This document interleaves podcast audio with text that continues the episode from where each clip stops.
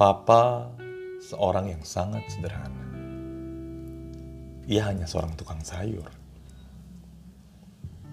Papa tidak sekolah karena ia harus meninggalkan kampung halamannya, mengungsi ke Jakarta karena kekacauan di kampungnya. Papa lebih banyak menghabiskan waktu di kebun dan di pasar karena memang pekerjaannya menanam dan menjual sayur untuk bisa menghidupi 10 orang anak-anaknya. Papa hanyalah orang biasa dan sederhana. Tetapi di balik kesederhanaannya ada cinta yang luar biasa kepada anak-anaknya. Papa ditinggal mama yang meninggal karena sakit tahun 1985 di saat anak-anaknya masih kecil. Papa harus jadi orang tua tunggal bagi delapan anak laki-laki dan dua anak perempuan.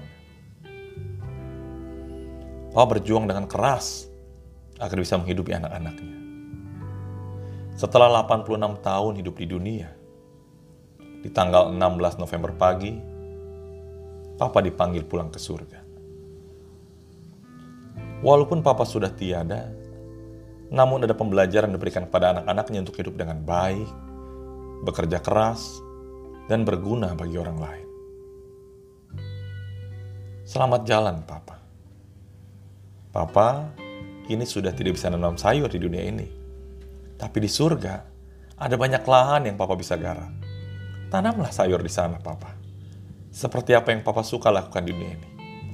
Bagikanlah sayur yang Papa tanam untuk penghuni surga lainnya. Kelak suatu saat, kita akan bertemu lagi untuk melihat hasil sayuran yang Papa sudah tanam dan pelihara.